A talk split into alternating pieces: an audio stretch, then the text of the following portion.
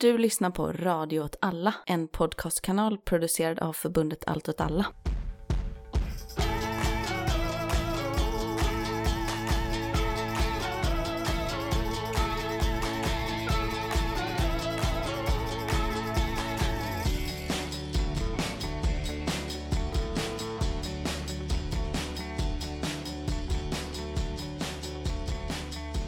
Hej och välkommen till Eld och rörelse. Udda krig och Det är perspektiv. med mig Martin Hansson. Och med mig, Miran Andersson. Och det är sommar, fast det regnar. Ja, det är ju ganska typiskt för sommaren, Ja. fast inte hittills. Befriande regn. Det var ett åskväder igår, va? Det var inte befriande. Du tyckte inte det? Nej, jag tyckte det blev, var så, höll så hård temperatur. Jag stod ute och grillade. Du gjorde det, ja. Det var fantastiskt. Regnet eh, rann ner över mitt ansikte. Men du tyckte fortfarande det var för varmt efteråt? Ja, sen så var det som att temperaturen höll i och det blev bara liksom fuktigt och konstigt och eh, kvavt liksom. Idag känns det som att temperaturen är lite lägre och det har regnat en del. Eh, Små droppar som har fallit. Så jag tycker att det är lite skönt att det är lite svalare idag. Jag tycker det är också helt skönt också att man kan typ, Andas. ja men vädra ut hela lägenheten och det blir svalt på riktigt liksom så här. Mm. Det har det inte varit på jättelänge. Nej. Jag tycker åskan gör ju att luften lättar i sig bara. Mm. Så det var väldigt skönt igår tyckte jag. Bara blixtar och åskknallar och sen så är det liksom en annan luft efteråt. Det gillar jag mycket. Luften blir friskare när åskan går. Jag håller med. Men vad har vi sen sist? Vad har hänt? Vi har haft midsommar. Hur var det? Min midsommar var fantastisk ska jag säga. Mm. Jag valde att fira den i skogen. Mm. Som ett riktigt psyko. ja, eh, första dagen på min semester, eller första dagen efter sista dagen jag jobbar. För semestern börjar väl inte förrän när man har börjat ta ut semesterdagar. Och det är ju i måndags då. I alla fall. Tänkte jag, vad ska jag göra nu när jag är ledig? Kanske samma sak som jag gör på jobbet. Jag åker ut i skogen och kollar på en myrstack. Mm. Men det kom genom ett så himla fint bokskogsområde och det var liksom, man kom in i en liten glänta med ett gammalt övergivet hus som såg så här idylliskt ruckel ut liksom, sånt för man skulle måla en tavla med ett förfallet hus. Då skulle det se ut så. En sån gammal brunn med en sån pumpkran liksom som stod Mm. omvuxen av växter och så. Så kom det ner en kungstrollslända och landade bland lupinerna och sen så kom det en brun musiktrollslända och landade där. Det var liksom... Det var en eh, naturupplevelse lite Elmerstack. Då åt jag min medhavda räk, smörgås, min sill, drack lite lubbe Mm. till det. Jag tänkte precis fråga det. Blev det någon sill på midsommar? Men det blev ju det då. Ja, jag bjöd också mjurstacken på en sillbit Mm. liksom som tribute to the old gods liksom. Jag eh, spenderade ju midsommar ganska traditionellt. Jag badade till Mm. havet, jag har ätit sill och potatis, jag har druckit nubbe. Sen var det ju som att man, eh, då om, om jag anklagar dig för att ha betett dig som ett psyko, så reste jag mig mitt upp under midsommarfestligheterna Du reste dig upp. och gick och sa det händer något i Ryssland. Och så gick jag.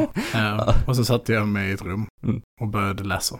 Ja. Jag hade ju då kommit hem från skogen och var på gång att gå ut och gå på krogen en sväng med lite vänner som skulle midsommarfira så. Men då hände det också att så här, nej, nu händer det något i Ryssland så jag kommer inte ut ikväll. Nej, men precis, det har hänt mycket. Så vi kanske ska köra nyhetsjingel här och sen så prata lite om den senaste utvecklingen. Vi spelar ju in nu tisdagen den 27 Ja. juni. Så att eh, det är ju två dagar innan släpp. Så ni får ta det i beaktande. Här kommer gängen.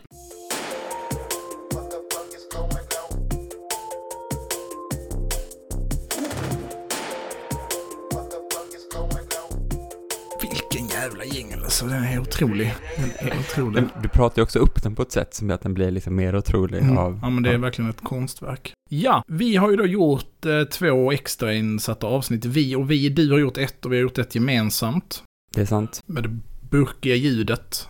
eh, Ja. Som att jag befann mig på landet. Då, som berörde den här, det här myteriet eller väpnade upproret eller protestmarschen som eh, Prigozhin genom Wagner Group då genomförde på midsommarafton. Precis. Hur gick det med det? Ja.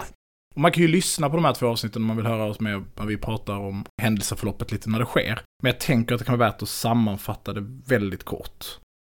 Okej. Mm.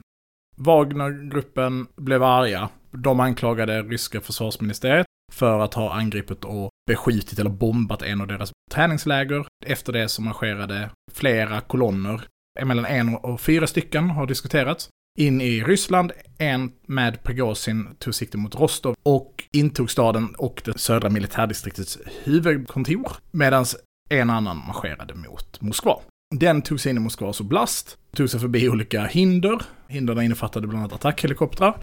Många mil från Moskva, men trots allt i Moskvas oblast så gör de halt. Och bakgrunden till detta börjar väl bli allt tydligare att det faktiskt rörde sig om den här eh, lagändringen som vi pratade om i avsnittet, att, att eh, Shugoj, alltså försvarsministern i Ryssland, hade en plan på att i princip avveckla, eller hade genomfört liksom ett lagändring som tvingade soldater kopplade till Wagner och Wagner befäl att skriva på kontrakt med ryska armén. Och det var sista datum för det var första juli, typ.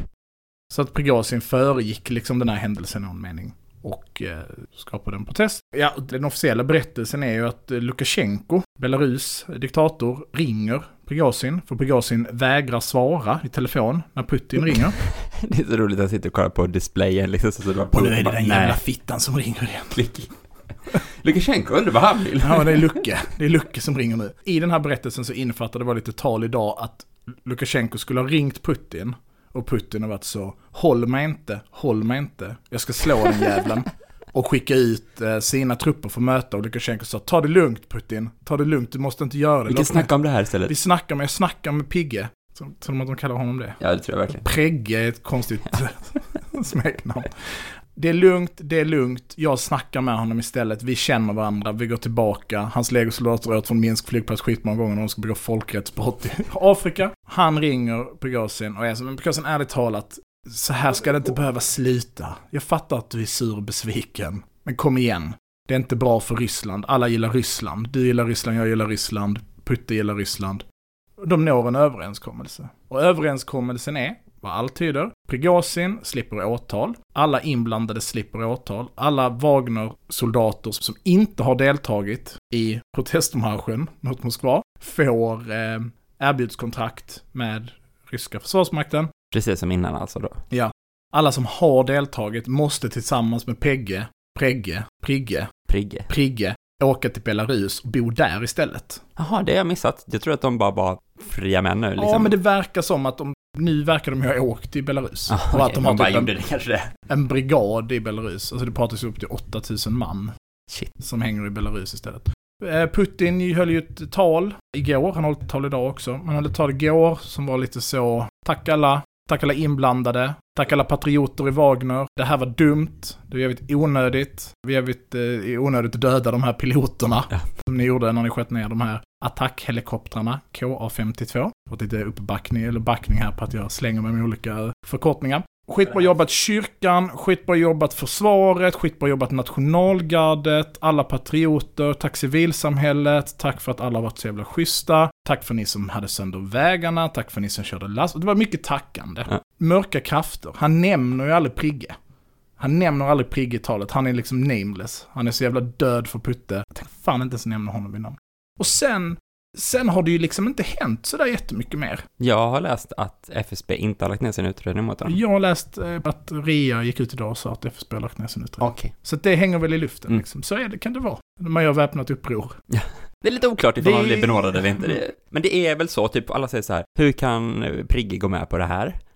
Han kommer ju bara bli dödad direkt. Mm. Så ja, det kan väl mycket väl hända liksom. Men jag tänker man får också tänka så här, för en stat som ger en sån benådning så ser det jättedåligt ut ifall man sen ändå dödar personen. Mm. För att då är det ju en signal till alla andra situationer framöver där du har en standoff och du säger okej, men bara ni slutar nu så får ni gå. Då vet man att det betyder ingenting. Då måste man köra Mm. tills man har vunnit liksom, eller alla har dött. Absolut, det är ju ett perspektiv. Det kan ju också vara perspektivet då. Gör inte storskaliga väpnade uppror för då dör ni allihopa. Absolut. Så Men då, att, men om man har ett land som har frekventa problem med att folk gör väpnade uppror och marscherar mot ens huvudstad, då tänker jag att då är det inte så mycket din trovärdighet i förhandlingarna som är ditt stora problem, utan det här att du har olika storskaliga väpnade uppror i ditt land du borde deala med. Absolut. Jag tänker bara att då är det sätt att deala med det att eh, skriva på ett avtal som man inte håller. Då borde man bara döda alla direkt istället. Ja, ja, varför de inte har dödat honom nu? Nej, nej, det är klart, nu måste de ju spela med på det. Absolut. Det är det jag För en deal är en deal liksom. Många säger, varför gav han upp? Han kommer ju bli dödad i alla fall, fast han gick med på den här dealen. Och det känner jag, det är inte alls säkert. Utan han kanske visst får leva i Belarus nu framöver. liksom. Mm. Ja, alltså det handlar väl om att de måste behålla... Alltså jag tänker att Ryssland har extremt stor nytta av Wagners huvudsakliga verksamhet. Alltså olika förlängningar av rysk utrikespolitik. Alltså att det är liksom en grej som man vill ha kvar och att eh, Pegasen kan få fortsätta pyssla med det kanske i något år eller så tills man dödar honom. Eller dödar man inte honom. Det är liksom bara konstigt. Situationen är ju absurd. Liksom det enda man kommer tillbaka till hela tiden. På tal om att lova olika saker, det är också konstigt som president går ut och säger det här landsförräderi. Alla inblandade kommer liksom få de hårdaste straffen. Det är för jävligt. Förrädare, förrädare, förrädare. Och sen bara så, ja men det är lugnt. Absolut. Det är ju också, det är också en trovärdighetsfråga. Eh, nej, men sen, sen är väl situationen um, som så att i, i Belarus så, så säger ju Lukasjenko då, peace lovern, säger att uh, Wagner ska utbilda trupper eller på något sätt vara rådgivare. Och, Ja, okej. ja. för de har ju koll på mycket saker. De har varit i krig. Putin själv gjorde väl ett case idag om att de hade typ blivit influerade, influerade av uh, västerländska underrättelsetjänster. Känns som den tröttaste Ja, ja. Konspirationshjärna-taken. Mm. Nej men så att jag vet inte den här Wagner-grejen, jag tror inte vi kommer höra så jättemycket mer om det. Jag tror att det kommer vara rätt mycket locket på. Det är därför man håller de här talen också, att det är något så här sätta punkt liksom. Mm. Det ju, jag kan känna att det var synd på något sätt. Jag hade velat veta hur det hade spelat ut liksom. Skönt kanske att det inte dör jättemycket människor, att det blir någon sorts eh, fail state av Ryssland direkt och så. Å andra sidan då så kanske det här inte blev något chans till slut på kriget i Ukraina liksom. Det verkar inte som att det direkt har fått så stora effekter i alla fall. Nej, det hann det, ju- det hann det ju inte få. Det hade ju krävt att det blev en längre utdragen process och att Framförallt om det blivit strider av Rostov, om Rostov. Det tror jag var också, det var väl den stora grejen han hade. Han hade liksom gisslantagandet av Rostov. Att om man skulle gå in och förbereda sig på, på strid i bebyggelse, blev en, ett, ett slag om den staden. Då är det ju för det första så att det är ju liksom Wagner och de kan strid i bebyggelse. Det är det de har pysslat med. Alla i Wagner nu är ju mer eller mindre veteraner från att ha intagit en stad. Och det tar tid att ta ut någon som befäster en stad, det vet vi. Och under hela den tiden så hade ju Rostov varit, som logistisk nod varit avskuren.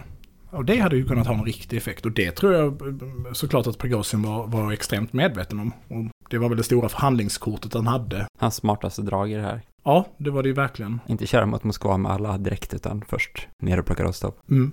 Det sa väl också idag, jag vet inte hur relevant det är, men att för ryska försvarsmakten liksom återfår eh, allt tungt krigsmateriel. De har liksom fått tillbaka stridsvagnarna och luftvärnssystemen och... Som de körde in i Belarus och så säger Lukasjenko, de får ni skicka tillbaka. De är inte era. Nej, precis. Ni har lånat dem. Ja, nej, men vem vet, det här kanske är hejdlöst utdaterat när eh, det här avsnittet släpps. Det kanske varit ett nytt väpnat uppror då. Precis, det har väl folk sagt också, vissa så här bedömare och så, typ, ja nu är det här slut, men det här är liksom bara början på något annat. Det känns också som någonting som är lätt att säga och det inte, kanske inte alls behöver vara så. Att de ryska försvarsstyrkorna destabiliseras jättemycket nu liksom och andra grupper gör olika uppror och grejer. Men det är väl möjligt liksom. Alltså, Ja, det är klart att det är, men, men, men jag tycker inte heller man ser några tydliga tecken. Man ska komma ihåg att Wagner var ju utroterade när, när detta hände. Och hade de inte varit det så hade ju inte de riktigt kunnat göra det här heller. Så att han gjorde ju det här i fasen när Wagner liksom var, var lite ute ur, ur matchen. Mm. Ska man ju komma ihåg. Men det, alltså det är klart att det har en viss eh, psykologisk effekt. Absolut, och bara hela liksom bilden av också så här typ, vilka var det som skulle reda ut det här då? För det är Kadyrovs förband Ahmat Kadyrovs. som skulle komma rullande och befria Rostov och typ omringa Moskva till försvar. Så typ varför är det olika så typ mer eller mindre privata arméer som st- styr och ställer och krigar in i Ryssland istället för armén? Liksom att det blir... Jo, men jag tror faktiskt att det har liksom driftats någon typ av kritik mot, eh, mot Rosgvardia. Mm. Att de liksom inte har de resurserna de behöver ha. Bland annat så pratar man om att de skulle få stridsvagnar nu på något sätt som de inte haft tidigare. Okej, ja. För att eh, det uppenbarligen kunde vara ett problem. Att folk kan göra väpnade uppror med stridsvagnar. Nu var det inte sådär jättemånga stridsvagnar. Men det var ju något T90S som Wagner hade med sig. Ja men det är väl det. Det om Wagner. Jag vet inte. Nej. Nej. Sen har vi ju liksom hur det går i Ukraina. I någon mening. Mm. Vad som händer. Um, nu är det väl stora är väl att Ukraina har eh, gjort en landstigning över Dnipro. Dnipro. Kan inte säga det. Nej. Floden vid Kherson. Jaha, Mm. Gerson, okej. Den är ganska hypad just nu. Det finns lite filmer på spaningsförband som har tagits över och det, det har de gjort. Man, man blir lite lurad av filmerna bara, för det ser liksom ut som att de har tagit sig till andra sidan bron, Antonov-bron kanske den heter. Mhm. Tagit sig till andra sidan av den här bron. Liksom vid brofästet då har tagit sig upp och börjat liksom gräva ner sig. Spaningsförband har gjort det. Men efter det, den här fasta ytan som är där, så är det ju nu då typ kanske tre kilometer träsk. Så, så det är liksom en liten landremsa Mm. och lite väg där, men sen är det våtmark liksom. Eftersom att eh, Putin uppenbarligen är med i återställ våtmarksgänget Ja, och eh, gjort det i, Ukraina. Men Ukraina verkar liksom ändå lite så dedikerade runt det här. Och har lagt in lite resurser, beskjuta med artilleri och så, för att eh, skydda den landstigningsstyrkan. Tror du att då de hade den planen från början? Så att det kanske fanns någonting som ryssarna visste om som gjorde att de sprängde dammen för att de visste att det skulle komma en liksom försök där? Ja, alltså det är ju möjligt. Och jag tror att Ukraina hela tiden har hållit en styrka som har hotat att kunna göra det. Och då spelar det ju ingen roll om planen är att inte göra det eller göra det, för att effekten av att ha den hotande styrkan är att Ryssland måste låsa upp trupper för att redo på att hantera det. Det kan ju vara att på grund av att hur utvecklingen ser ut i de andra anfallsriktningarna, att Ukraina väljer att göra detta i förhoppningen om att det ska dra till sig ytterligare resurser för att liksom lätta trycket. Också kanske att det är ganska lätt gjort då ifall det är tre kilometer träskmark där det inte finns några ryssar i närheten. Absolut. Då kan man ta sig över där utan att det kostar så mycket egentligen så. Medan då de ryska styrkorna blir väldigt motiverade till att få bort dem. Man, Mm. man vill ju behålla Dnipro som ett, eh, som ett naturligt skydd. Så det kan ju vara situationen. Sen är det väl som, om man ska bedöma hur det går på de övriga fronterna. Det går helt okej på vissa ställen. Det går mindre bra på andra. Det är inga jättestora förändringar. Men Ukraina tar mark. Det är inga gigantiska summor. De är fortfarande inte nere vid de huvudsakliga försvarslinjerna, så vitt jag kan bedöma. Bachmut fortsätter. Det kommer ju rapporter om Bachmut hela tiden, men det är så jävla mycket falsk information nu. Man pratar om att man är inne i Bachmuts stad och strider igen och så. Det har jag inte sett någonting som jag som säger att jag kan bekräfta det. Och det tänker jag också är en viktig bit så eh, krigspropaganda för att med allt som har hänt med Wagner, som ju är så tätt förknippat med Bachmut. Men Wagner hade ju roterat ut ur Bachmut, så att det liksom, men att man då kan få känslan av att på grund av detta så rycker vi fram med Bachmut och så. Mm. Ja, det skulle jag väl säga är det generella läget just nu. Nej, men nu ska vi ha lite annat nyhetssvep. Jag vet inte vad som händer så mycket i världen. Sverige är fortfarande inte med i NATO, kan vi säga. En bidragande orsak till det kanske, en är väl då att eh, Björn Söder har sagt att Kristersson måste åka till Budapest och be om ursäkt till Ungern eller någonting så här. Som Men så bara, jävla nice. bara fuckar upp saker. Det är så jävla kul om man gör det också. Att han så här, som den här, eh, eh, vad är det, den franska påven. Att man tvingar Ulf Kristersson att naken gå till Budapest och be om ursäkt. Nej, så känner inte jag till, men okej, det Ja, var men det är någon så här påve, det här kan jag Okej. inte men som tvingas gå naken till Vatikanen och be om ursäkt. Apropå det så tycker jag att det var så jävla historiskt liknande på något sätt i den här Prigge-grejen. Att han insisterar på att han bara ska befria Putin från de onda Mm. generalerna. Att det påminner så himla mycket om hur typ franska revolutionen, när så här typ med folkets massor är så, nej, nej, nej, vi ska inte halshugga kungen. Vi ska bara få bort det onda hovet från honom och liksom eh, ska vi tala kungen till rätta, för kungen är ju god och vis. Det vet man, det är liksom hela Gud har tillsatt kungen, kungen är god och vis, men den här revolutionen vi gör, den är inte för att avskaffa kungen. Nej, nej, nej, vi ska bara, och så kidnappar de väl typ kungen och så här. Kungen är en tom signifikant Ja, som man kan fylla med vilka. Men Putin gillar det här egentligen, men han har sina, det är så dåliga rådgivare han har runt sig. Putin. fixa det. Ja. Nej, sidospår.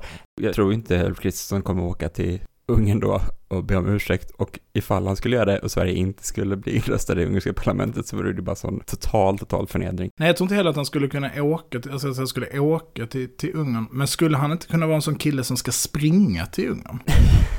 Får man inte den vibben av honom? Alltså, Eller cykla till Ungern? Du, jag tror att han ska ta det här elflygplanet han ska pröva i Visby. Just det. som eh, var så typ, Ulf Kristersson ska provflyga elflyg, för det är väl typ någon grej Moderaterna kör med att typ, Ja, det går att lösa det här med tekniken. Snart har den löst det här med att vi kan åka till Thailand varje år. och så ser man, ja men också vi behöver inte bygga upp tågen i Sverige Nej. för att elflyg kommer ta en liten När som kapacitet. helst liksom. Det är bara, det är kvart 20 minuter bort liksom. Så bara ser man bild på det flygplanet han ska provflyga, då är det liksom en sån mindre än en Cessna. Man får sitta högt med benen mot liksom kroppen för att få plats i för. Han kanske inte behöver göra det då, men folk i gemen måste liksom krypa ihop i Det är så framtidsmässigt att de tar hänsyn till evolutionen. att vi ska bli kortare. Ja, Eftersom att nu när den här högervågen kommer så kommer det bara vara korta män som får skaffa barn.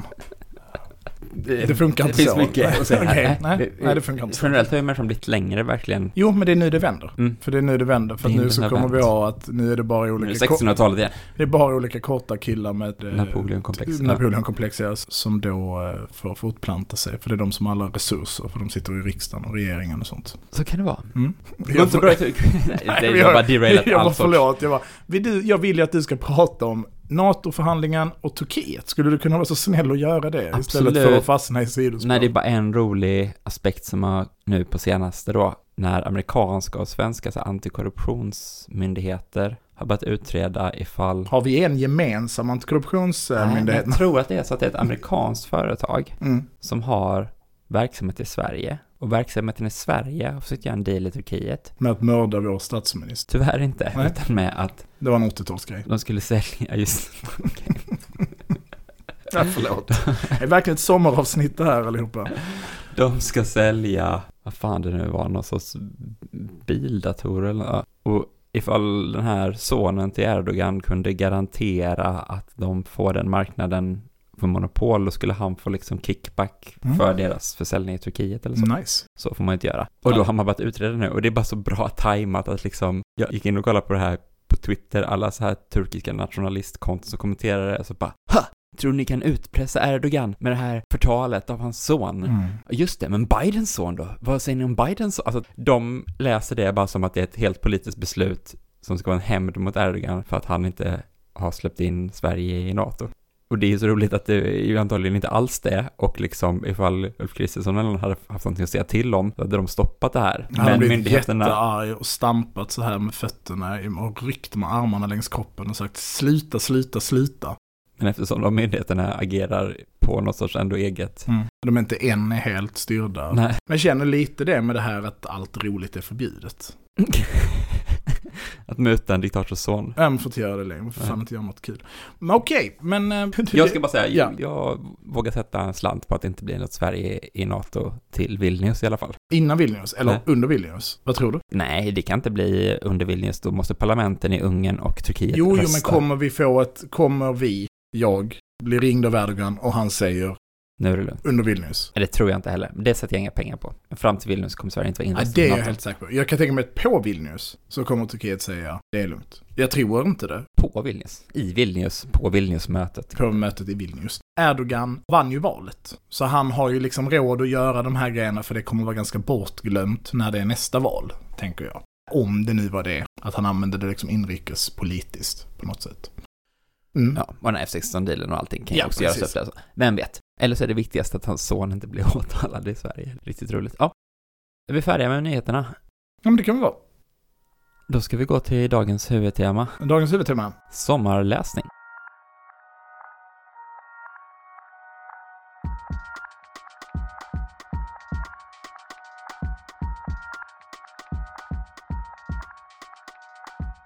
Ja, precis. Jag har läst en bok. Jag har läst boken Anders Franssons bok om kriget kommer, hot och beredskap och försvar.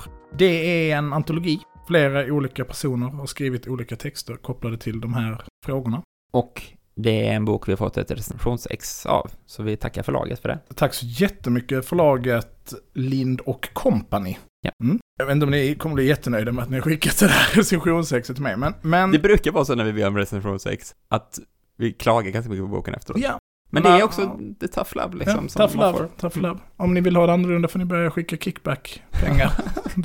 är det lagligt? Det har vi konstaterat att det inte är. Ja, men det kan ju måste vara lagligt om vi köpt, alltså... Okej, du är bättre än Erdogans son tycker du? Nej, men om... Men någon jurist som lyssnar på det här. Om ett förlag hade liksom betalt oss för att göra positiva recensioner av deras böcker, hade det varit olagligt? Jag tror att vi måste redovisa att det är betalt. Att det är så här, det här är reklam. Ja, Mm. för att, och, så måste vi också bokföra de pengarna, till exempel då. Det håller inte vi på med bokföring. Vi Det gör vi visst, vi har stenkoll på vår bokföring. okej, vi har ju alltså ingen ekonomi i den här podden. Nej, men eftersom att Så vi får in... vi ingen. Det är därför vi måste tigga om recensionsexemplar. Ja, precis. Ja, Men, men bo... Nu är alla uppbyggda här för att jag ska pissa på den här boken, men det, det ska jag inte göra. Boken i sig, eh, den är ju liksom uppbyggd med en massa kapitel.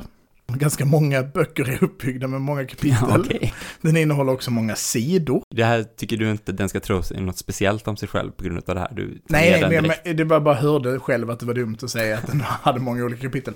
Det är en antologi, så det är ju många, det är liksom en samling av många texter. Nu är det mer som att jag ska förklara vad en antologi är. Jag bara, måste verkligen hålla fokus här. Många av de här kapitlerna och texterna som är i boken är intressanta. Och det är ganska brett. Det är liksom eh, någon text som berör hur stridsvagnens roll är förändrad och den tar ju avstamp i liksom det som har hänt i Ukraina. Så det är en av de tidiga böckerna på svenska som försöker liksom lite analysera vad, vad berättar Ukraina om modernt krig eller samtida krig. Och eh, sammanfattningsvis i den frågan så kan man nog ganska mycket fram till att ingenting har förändrats utan det är som det är, stridsvagnen har fortfarande sin roll, som vi har pratat om. Den är försvagad, men det finns ingen ersättare och så vidare. Sen går den igenom liksom flygvapnet, eh, svenskt flygvapens historia kopplat till ryskt flygvapen och Finland. Det är mycket Sverige-Finland i boken. Knyter an det.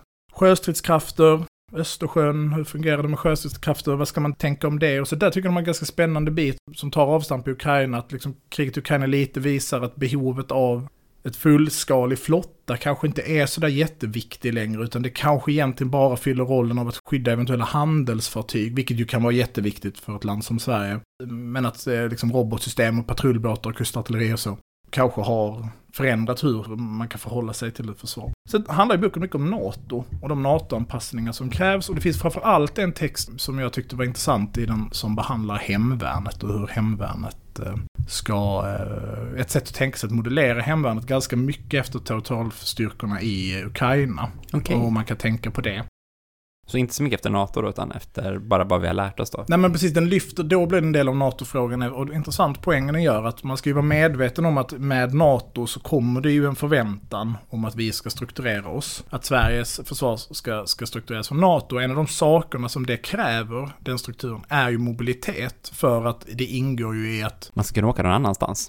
Ja, man ska ju kunna helt enkelt med de medel man har hjälpa till att skydda land, ett annat land som man själv har gripet och då angripet. Och då fungerar ju inte territorialstyrkor eller hemvärnsbataljoner riktigt på, alltså det platsar ju inte riktigt i den. Och det är ju en poäng vi har gjort tidigare i podden och pratat om. Och det tror jag man ska vara väldigt medveten om, att det är intressant att den lyfter det. För att hemvärnet är samtidigt kanske den biten som vi snabbast kan bygga ut i den här liksom rustningstiden vi lever i just nu.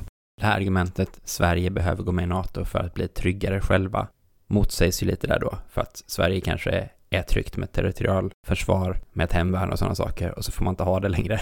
Då Nej, kanske man blir kan inte- mindre tryggt på Ja, men något sätt. man kan liksom. inte lägga pengarna då på samma sätt. På samma sätt att fokusera på försvaret av Sverige. Utan alliansen då förväntas ju lösa bitar av det och att Sveriges försvar mer då ska finnas till för att göra motsvarande för andra länder. Så länge inte då Turkiet vetoar Nej, precis. Men- liksom- Men då kan ju andra länder som Ja. är med i försvarsalliansen tänka att de ändå ska... Och det finns ju liksom en bit eh, i boken som, när de går igenom det här med, NATO, där, eh, som behandlar liksom kursändringen i socialdemokratin. Och en poäng de gör där är typ att men allt handlade om finskt medlemskap. Ja. För att så fort Finland gick med, eller visade ambitionen att vilja ansöka som medlemskap och valde helt enkelt liksom NATO-optionen, då så blev ju situationen helt plötsligt att alla andra länder i Norden skulle sitta runt ett bord och diskutera försvaret av NATOs norra flank. Och all den diskussionen skulle handla om Sverige också. Men Sverige skulle inte suttit med vid bordet. Och en konflikt med NATO hade dragit in Sverige i konflikten omedelbart. Ja, och det har väl kommit sådana liksom typ avslöjanden eller liksom spekulationer, artiklar där folk anonymt uttalat sig och varit så finnarna fuckade oss. Vi hade inte ett samråd om att vi skulle göra det här tillsammans, eller båda två liksom. Men så gick Finland ut och sa, Nu händer det. nu händer det, och då kunde inte Magdalena Andersson vara så, nej va? Nej, Utan då var det bara så, ja ja, det är vi för att hålla face och liksom enighet och inte vara en svikare mot Finland så, så var det bara spela med. Vad heter hon? Sanna Marina? Mm, Sanna Maria. Fuckade Magda. Hon försäger väl sig typ, är väl den officiella typen på Bonniervillan presskonferensen. Okej, ja. Att hon liksom, ja men typ säger, ja vi ska ansöka. Och så, eller, nej, och sen. Ja. Och att Sverige då inte heller hade NATO-option på bordet. Så Sverige var liksom heller, och Finland har det liksom ständigt funnits en sån diskussion. Att det finns eh, liksom på bordet att eventuellt söka, ansöka medlemskap i, till NATO, om att man hade förberett liksom opinion och samhället någonstans på typ, det det här, om vi ska söka till NATO så kommer det gå till på det här sättet. Medan i Sverige så var det ju liksom fram tills det hände i princip åsikten, det kommer inte ske en kursändring. Det kommunicerades från liksom Hultqvist, Magdalena Andersson och Ann Linde. Så att läget var, sköttes, inte hela den processen sköttes jävligt klantigt. För att det fanns liksom inte en förberedelse på det sättet om man gör den här NATO-ansökan. Står det i boken också? Mm. Det är en ganska stor kritik mot liksom socialdemokratins sätt att hantera detta. Boken i övrigt är ju liksom, den är ju väldigt tendentiös. Framför allt eh, redaktören eh, Anders Frankssons eh, inledande text. Den är liksom tendentiös på det sättet att det är, ja men att det är lite jobbigt att läsa. Det är lite kapitlet eh, liksom. sekundär skam liksom. Ja, Cringe. det, ja. Camp. Det, det finns liksom två sådana här riktiga jobbiga delar av boken att läsa. Jag kommer läsa ett stycke. Ja. Men om vi börjar med den, den kanske lite mindre eh, cringeiga biten så handlar det om det, det inledande kapitlet av Anders Franksson som väl är pennan och svärdets, alltså så, suttit i Kungliga krigsakademin och så vidare, men också är väl en, en, liksom en figur i, i svensk eh, försvarsdebatt. Han, eh, men liksom i beskrivningen av läget, för det handlar liksom lite om kalla kriget och historien bakom den här konflikten, för det är ju liksom det är ju dessa tider nu där man väldigt öppet bara kan prata om så här Ryssland, Ryssland, Ryssland. Men till exempel så, så har de lagt berättelsen om bildandet av Warszawapakten först och sen bildandet av NATO. Ja, spännande.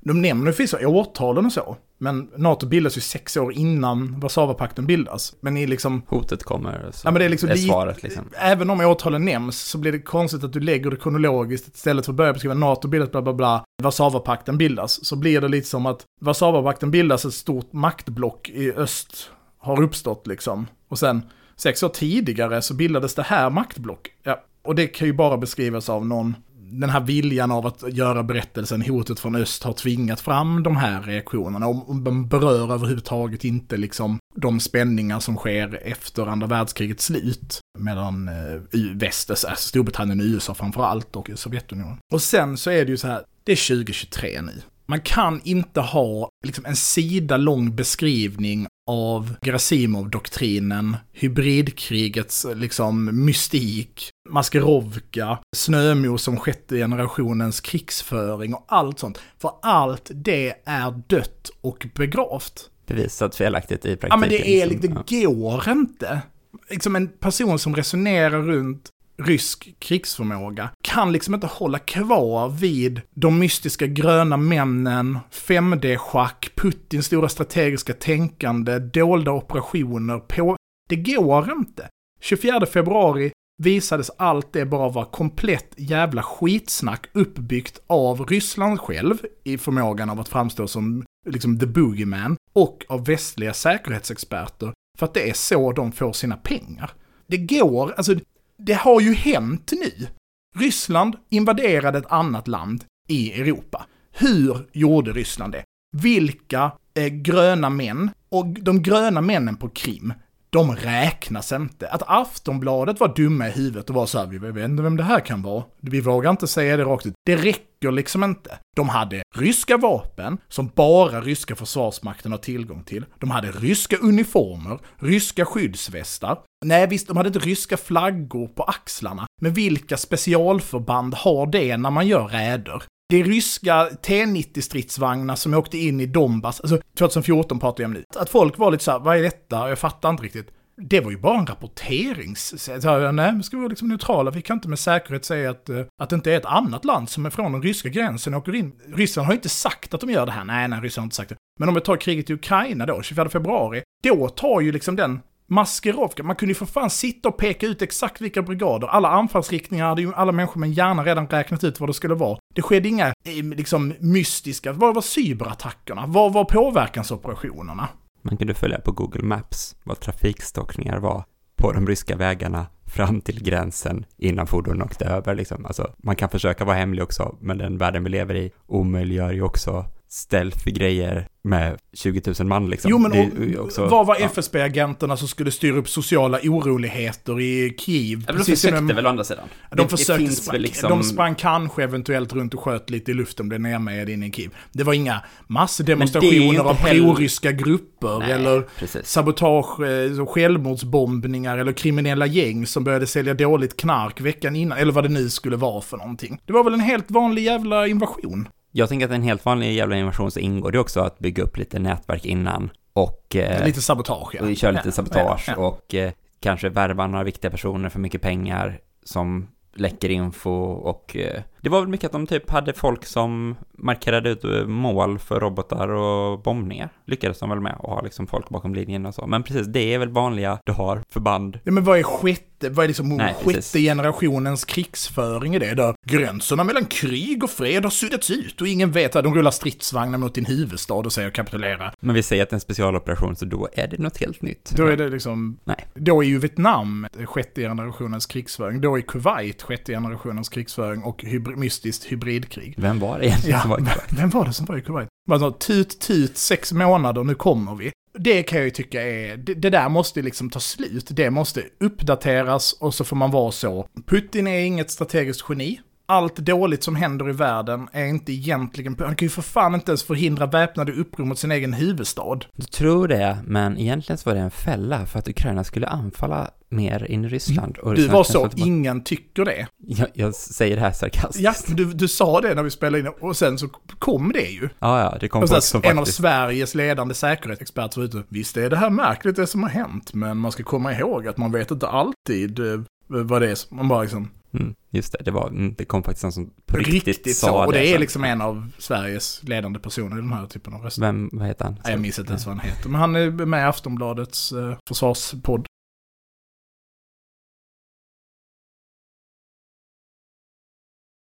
Ja, men sen så visst var det Alice, heter hon, Teresco som var inne och var så. Mm. Jag, tänk, jag tänkte också lite på... Jag tänkte också att det kanske skulle kunna vara så att det här var jättesmart för att nu pratar alla om Prigozjin istället för hur dåligt, jag vet inte. Ja, vad- precis. vad- Vad, vad händer egentligen? Vad är det vi inte ser? Ja. Som alltid är den frågan. Bara, jo, jo, men ibland finns det inte något annat att se som Nej. vi inte ser. Typ. Och sen är det ju mycket då, Putin har samma mål som Stalin. Mm. Och Det skrev du också? Världskommunism då, eller jag vet inte, det var väl inte Stalins mål kanske. Nej. Det var socialism i ett land. Stalins mål var väl bara att ha en, eh, Ett nice liv. ja, en, en, bestämma över en fet stat. Så ja, men det kan man väl säga är samma som Putins mål då, att ha liksom bara göra sitt land Det är också mäktigare. Tuffe Uffes mål. Han vill väl också bestämma över en fet stat. Jag tycker det Vem mer... vill inte bestämma över en fet... Jag vill en- också bestämma över en fet stat. Det vill inte jag. Nej, jag tycker mer det var relevant som du sa. Folk säger att Putin är precis som Stalin, men ifall Putin hade varit som Stalin hade Prigge och hela hans familj och alla de känner varit döda för ett år sedan liksom. Mm. För att man tillåter inte någon ha en privat armé i Sovjetunionen och snacka skit om ens... Eh, Försvarsminister. Nej, Nej, det håller då- inte. Nej, men jag menar också så här, vad, vad, vad är det för mål Putin har som Stalin också hade? men rysk imperialism, det är väl fair? Ja, men då är han väl lika mycket tsar Nikolaj. Ja, ja. Eller vem är han inte då? Vilken rysk ledare är han inte? Boris Jeltsin? Nej, det är han inte. Nej, det är han inte. Nej. Ironiskt eftersom att det väl var Boris Jeltsin som satte honom vid makten. Mer eller mindre. Mer eller mindre. Och sen är det också så här, igen, så kommer de här trötta i den här första inledande texten som de ska sätta. Och det här är ju ett problem i boken. För att de andra texterna är, med ett undantag, ändå ganska tajta liksom. Och intressanta. Men det sätter ju viss, liksom, men det är som att eh, man äter en limpa bröd, den, den möglar inte. Men den är gammal liksom, du vet. Det är svårt, det kan vara svårt att få ner den. Är det inte mer så att du äter en klase vindruvor och den första du biter i är sur, då kan inte resten smaka gott sen? Nej, eller som pinjenöt, vi kan ta fler maträtter. Du vet att man får en sån konstig pinjenöt som får Ja, det är i. verkligen lite speciellt. Ja. Ja. Det är inte bara att man har det i sitt huvud, där är det ju verkligen, då har ju munnen blivit fuckad. Det här är ju mer att du har känslan Ja, efter det. okej, ja. Ja, men det är sant. Men för då, är, då går du vidare och så är det så här, Gotland. Mm, nice. tänk på Gotland. Det är fortfarande inledningstexten, Ja, ja visst. Gotland, Gotland, Gotland, Gotland, Gotland. Mm. Det är nära förestående att Ryssland besätter Gotland. De Ja. besätter Gotland och det gör de för att de ska ta Baltikum. Det är scenariot. Och då är det jävligt viktigt för att annars kommer man inte till Baltikum om man inte kan åka genom Östersjön. Ja, Om man inte då åker genom Polen, den här andra NATO-medlemmen, landvägen till Baltikum, som ju har gräns till Baltikum. Men att NATO komma och undsätta eh, Baltikum måste de göra via Gotland, är argumentet. Eller ja, via Östersjön då. Inte Mm. nödvändigtvis via Gotland. Men via Östersjön och därför vill Ryssland såklart ta Gotland. Och det kan man ju förstå. Men man kan ju också lyfta tanken på att Ryssland vill ta Baltikum och förstår att NATO kommer försöka försvara Baltikum via den polsk-baltiska gränsen. Ja. Även om Svullekorridoren ligger där Mm. och Kaliningrad. Sen är det mycket Kaliningrad. Och sen är det så här, scenario som skulle kunna hända. Ja. Dra ur röven det tröttaste scenariot på hur ett krig i Baltikum skulle kunna starta. Tröttast, alltså jag, jag... Det vanligaste är väl att man säger så här typ rysktalande grupper, Putin säger att det är folkmord på dem. och Ryssland måste försvara dem. Det är scenariot i boken. Ja, Så det, är liksom inget nytt. Det är nej, det men man det är inte hört. så fel. Jag tycker inte det är liksom ett sånt knäppis-scenario. Nej, jag säger inte det är knäppt. Nej. Jag säger att det är trött. Ja, okej.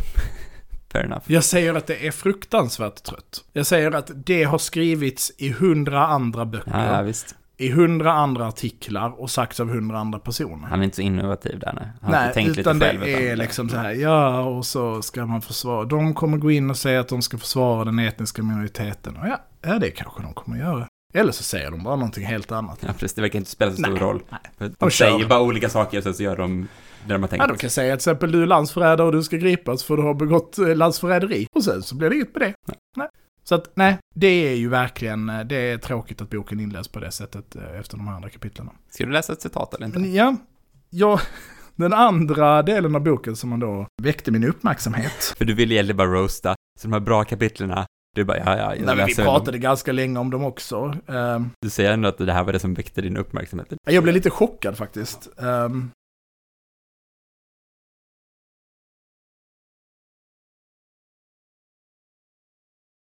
Stockholm.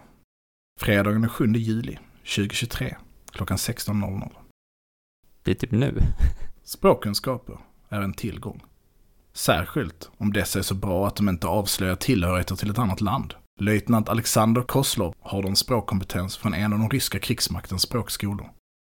Det är inte den enda specialistkompetensen den 27-årige officeraren har. Han tillhör specialstyrkan, Spetsnaz. Har en utbildning som specialstyrksoldat, där hög skicklighet i hantering av många olika vapen, liksom närstrid, är färdigheter som han tillägnat sig. Av detta följer en hög tilltro till den egna förmågan. Men inte bara det. Han tillhör en mycket väl sammansvetsad grupp på ytterligare fem, varav sergeanten är han ställföreträdande. Samtliga är åldersmässigt under 30, högpresterande elitsoldater som litar på varandra. Den sistnämnda ett resultat för stridsinsatser som man visserligen inte talar särskilt högt och ofta om, men som definitivt gett erfarenhet av vad strid innebär. Också den som sker man mot man. Dessutom har gruppen utfört flera kvalificerade underrättelseuppdrag på andra länders territorier, i Tjetjenien, Syrien och Ukraina, men också i Sverige. I vårt land har gruppen hittills utfört underrättelseuppdrag, men också ett sabotage. Att efter en insats i Ukraina, vilket blev åtskilliga tuffare än förväntat, erhålla Sverige som insatsområde uppfattas gruppens medlemmar nästan som semester. Täckmanteln för gruppens uppdrag i Sverige är att de sex gruppmedlemmarna bor och arbetar här. Gott om arbetstillfällen inom byggsektorn har medverkat till att alla har fått anställning. Är de bra på att knulla också? Det är ju en, eh, det finns ett visst eh, sexuellt i den här novellen som helt plötsligt är med i boken. Men vänta, fortsätter det, Det här här? är bara en novell. Oj! Mm. Novellen kretsar då runt Alexander, som är då ledare för den här spetsnazgruppen. Um, deras uppdrag, det är att kidnappa en kommendör, en ubåtskommendör, Ja. som bor i en förort utanför Stockholm, i Bergshamra, skärgårdsmiljön. Planen de har, det här gänget, i den här novellen, det är att de har då hyrt en sommarstuga. Där de med hjälp av en drönare övervakar den här kommendören som precis har kommit hem från ett längre, längre tjänstgöring. Så att han har gett presenter till sina två 11-åriga döttrar och sin hustru. Ja, som två elva, de är tvillingar. De är ett, de är ett ja, det, det tror jag. Erik Törngren då, den här eh, kommendören. Och det är väldigt vackert där. Spetsnas eh, har också införskaffat, och det här nämns vid flera tillfällen, två stycken Volvo XC90. Att det är anmärkningsvärt att de har kunnat köpa de här, trots deras korta vistelse i Sverige. Det Som borde folk reagera på, Folk liksom. borde reagera på att Ja. ryssar ska inte ha så dyra bilar liksom. Det är något som är skumt med det. Men då har de hyrt den här eh, sommarstugan Mm. i närheten där de ska utgå ifrån. Och genom med plastpåsar med liksom öl och mat och så. Men där inne finns det egentligen vapen. Mm. Jag får läsa ett stycke till. De, är, de befinner sig då i den här sommarstugan. Och eh, en av eh, soldaterna sitter med den här drönaren och övervakar huset. Att vara beredd på det oväntade är något som dessa elitsoldater under hela sin tid i Spetsnaz fått uppleva betydelsen av. Därför tar löjtnant Koslov samtalet över en avlyssningssäker mobiltelefon från den dolt utplacerade vaktsoldaten med upphöjt lugn.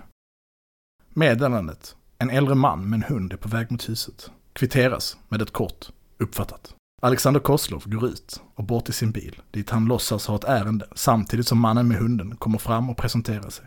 Jag bor i ett hus här någon kilometer härifrån och ville komma över och hälsa på min granne. Och det fortsätter samtalet framkommer att mannen är sjukpensionär och året runt boende i ett litet fritidshus med hunden som enda sällskap. Innan de skiljer sig åt säger Alexander glatt. Hoppas inte att den lilla fest jag ska ha med mina kompisar från stan kommer att störa. Den gamle mannen och hans hund har därmed blivit måltavla av rena tillfälligheter. I de oskrivna, för, för, I de oskrivna förutsättningarna för livets skiftningar gäller att tillvaron ibland kantas av medgång. Det vill säga lyckan av att befinna sig på rätt plats vid rätt tid, under de rätta förutsättningarna. Dess motsats, att vara vid fel tid på fel plats under ogynnsamma förutsättningar skapar i bästa fall en situation som går att lösa, men kan i värsta fall resultera i katastrofala följdverkningar. Det sistnämnda råkar bli ödet för den gamle mannen och hans hund. Nej, de ska döda hunden! De dödar både han och hunden och begraver den. Sen fortsätter ju den här berättelsen, den är på åtskilliga sidor, eh, där eh, man också får följa samvetskvalet och ångesten hos de här ryska spetsnasoldaterna över uppdraget de har. Eftersom att de också då måste döda de här två flickorna. Ja, såklart. Mm. Som glatt leker med sina presenter. Och det är en ångestladdad situation där man... Där De visar- ändå mänsklighet. så Mm, de- är ändå mänskliga och de kantas, men de vet att det här är ett uppdrag de måste göra och sen bara skjuter de barnen i huvudet. Det är också beskrivet i detalj. Mm. Jag ser att du bläddrar här. Och ganska mycket bilder det är en del bilder, ja. på Ja. vapen och sånt. Det är lite bilder på vapen. Som, som då är påhittade att de här har. Det är inte... De, det, det är vapnen de har beskrivit i novellen att de har. Mm. Eh, tillsammans med sina Volvo XC90 då. Det är bilder på Volvo Nej, XC90. det, det är ingen bild på Volvo XC90. Och inte på små hundar och Nej, nej. 11-åringar heller. Lite skönt ändå. Där har de ändå hållit Ja. sig. Ja. Slutsatsen i den här lilla novellen, Det kommer en epilog. Mm. precis, är kan man någonsin vara säker? Det är i princip det poängen är. Man inte ska bli lönnmördad liksom. Och jag bara känner så, ett mord på en hel familj, eller på nästan en hel familj och kidnappning, är det här någonting som har hänt i svensk historia? Att en utländsk säkerhetstjänst har gjort det. Förutom Olof Palme då. Det var ju bara Det var ju bara han, ja, det är sant. Så det är inte lika graverande. Men det var ju inte en utländsk, det var ju en svensk säkerhetstjänst. Det är sant. Nej men liksom, det är en berätt, den är väldigt detalj, och nu, det visar sig att han som har skrivit den här novellen, han är ju också liksom, det är, Lars. inte, det är inte Lars Wildereng, men det är liksom, han har gett ut lite böcker i samma anda, mycket böcker om att Gotland blir invaderat. Det är lite störigt för att han har också skrivit ett väldigt bra kapitlet om, om hemvärnet. Jaha. Mm. Men eh, den, jag tycker ur eh, Anders eh, Franksson, om du lyssnar, så förutom då ditt inledande kapitel som du hade kunnat, kunnat få vara lite mer uppdaterat gällande det vi vet om Ryssland nu. Och sen måste jag säga att du skänkte mig ett litet smil på smilbandet med bildtexten. Hotet idag utgörs inte bara i form av militära angrepp utan också terrorhandlingar. Korrekt. Jag håller med. Ofta ligger icke-statliga organisationer bakom men dessa kan ha fått stöd från statliga aktörer. Absolut, vi vet att de flesta icke-statliga aktörer är direkt kopplade. Typ alla uppror behöver i någon mening en statlig aktör i ryggen, med några få undantag. Sverige har haft tur jämfört med många andra länder, att vi inte har blivit lika hårt utsatta. Helt rätt. Men istället har blivit hårdare drabbade av uppgörelser i den kriminella världen. Istället. Ja. Det är bara Är det liksom en bytte bytt. bytte ja. Som då Frankrike till exempel, ett land som har varit ganska hårt drabbat av terrorhandlingar. De Har ingen De har inga problem med kriminella uppgörelser. USA, ett land med väl, haft historiskt sett väldigt stora problem med terrorhandlingar. De har ju då till sin tur sluppit eh, kriminella uppgörelser. Andra länder som har en del kriminalitet, de är besvarade från... Att det finns ett motsatt för att man har det Eh, ena men inte det andra. Mexiko. Mexiko, inte så mycket terrorism där, tänker man ju spontant. Det finns väl också det där gränslandet då där grov, grov brottslighet i en väldigt organiserad form kan bara kallas terrorism kanske. Mm. Där, så de kanske är som Mexican fusion då liksom, att det är lite... Vad brukar vara med, vara med i Mexican fusion? Koreansk mat? Ja. Hur är det med Korea? Hur ser det ut i inte Korea? så mycket terrorism. I Nordkorea? Nej. Inte så mycket kriminalitet heller kanske? Nej. Det är väldigt sällan nordkoreansk fusion va? jag har aldrig ätit Mexican North Korean fusion.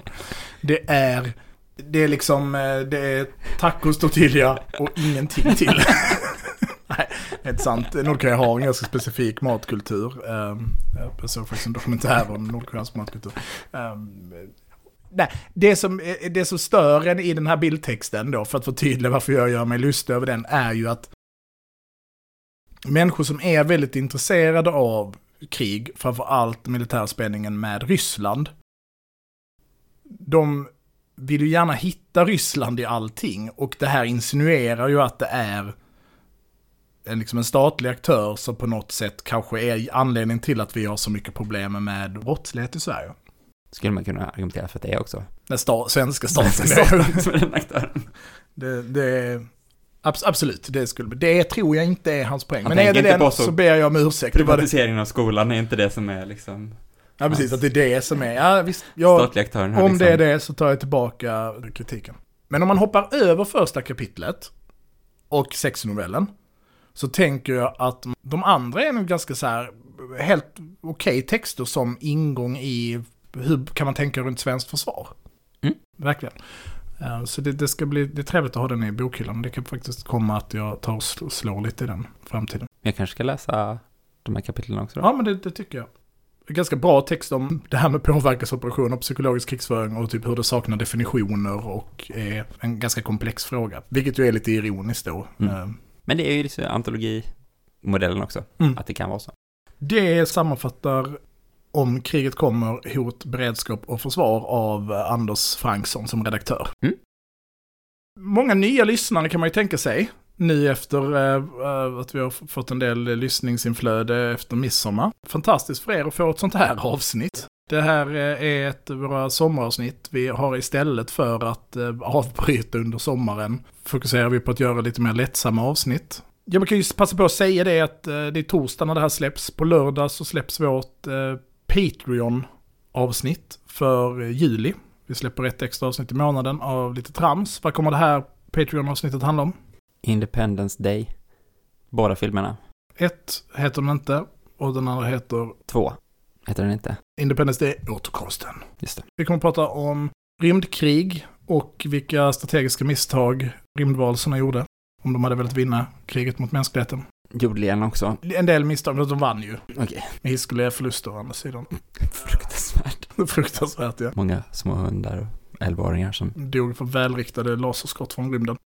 Annars kan man följa oss på sociala medier. Man kan följa oss på Facebook, där heter vi Eld och rörelse. Man kan följa oss på eh, Instagram, där heter vi eld.och.rorelse. Inte vi som sköter den, utan en kamrat som gör det åt oss. Tack så mycket för det. Ja, fantastiskt. Viktigt, eh, trevlig Instagram-konto med massa fina bilder och filmer. Och sen kan man följa oss på Twitter. Du heter @slukhål och jag heter @trojkan1337. Tack så jättemycket för att ni har lyssnat. Tack för att ni har lyssnat. Hej då. Hej då!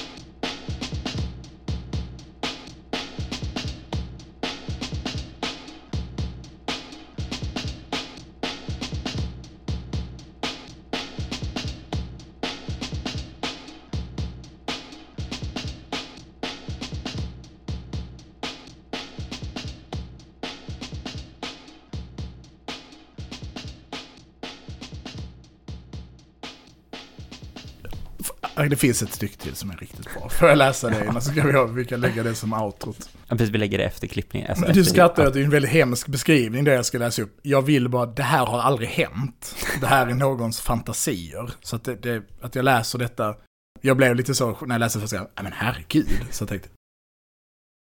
Uppdraget bygger på ett löjtnants insatsidé, således faktorerna överraskning och snabbhet. Dessutom på chockverkan. Snabbt ur bilen och med eldberedda automatkabiner av typen AS Wall. Parentes här då, angående det. Det är alltså ett rysk 9 mm 939, alltså det är en jätteunik kaliber. Det är bara ryska försvaret som använder den. Det är i princip bara special, ryska specialförband som använder det här Inte så bra ifall man vara hemlig. Nej, det är dumt alltså. Det är dumt att ta den. Om någon, en övervakningsbild, det där är ryska hundar. Det är lite gröna männen på Krim. Vem kan det här vara? Och när man då hittar de här kulorna så är det ju en kaliber som då inte används Det är som att det står hans eget namn inskrivet på dem. Vad hette Mm. han? Alexander? Mm. Mm. med eldberedda automatkabiner av typen AS Wall, vilka är försedda med ljuddämpare, rusar teamet in på husets baksida. För familjen Törngren är överraskningen total. Hustrun och de två flickorna avrättas omedelbart med en serie gevärriktade skott mot huvudena. Varken hustrun eller flickorna hinner reagera. Döden är omedelbar. Skönt för dem. Fruktansvärt. Men. För Erik Törngren upplever sig chockartad.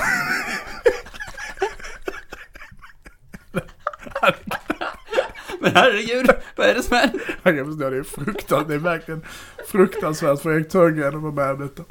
Tre beväpnade män som störtar in på familjens tomt. Direkt följt av det käraste. nu ska det bara så beskri- nu beskriver han vad det är som är chockartat för. De trampade i rosen. Nej, nej, jag skojar. Det är inte det. Är inte det. För att, jag måste ta mig samman. För Erik Törngren är upplevelsen chockartad. Tre beväpnade män som stöter in på familjens tomt. Direkt följt av det käraste han har i livet. Hela hans familj inom loppet av knappt en sekund brutalt avrättat framför hans ögon.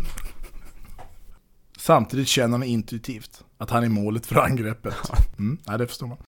Frågan om den svenska kommendören är vältränad får sitt svar.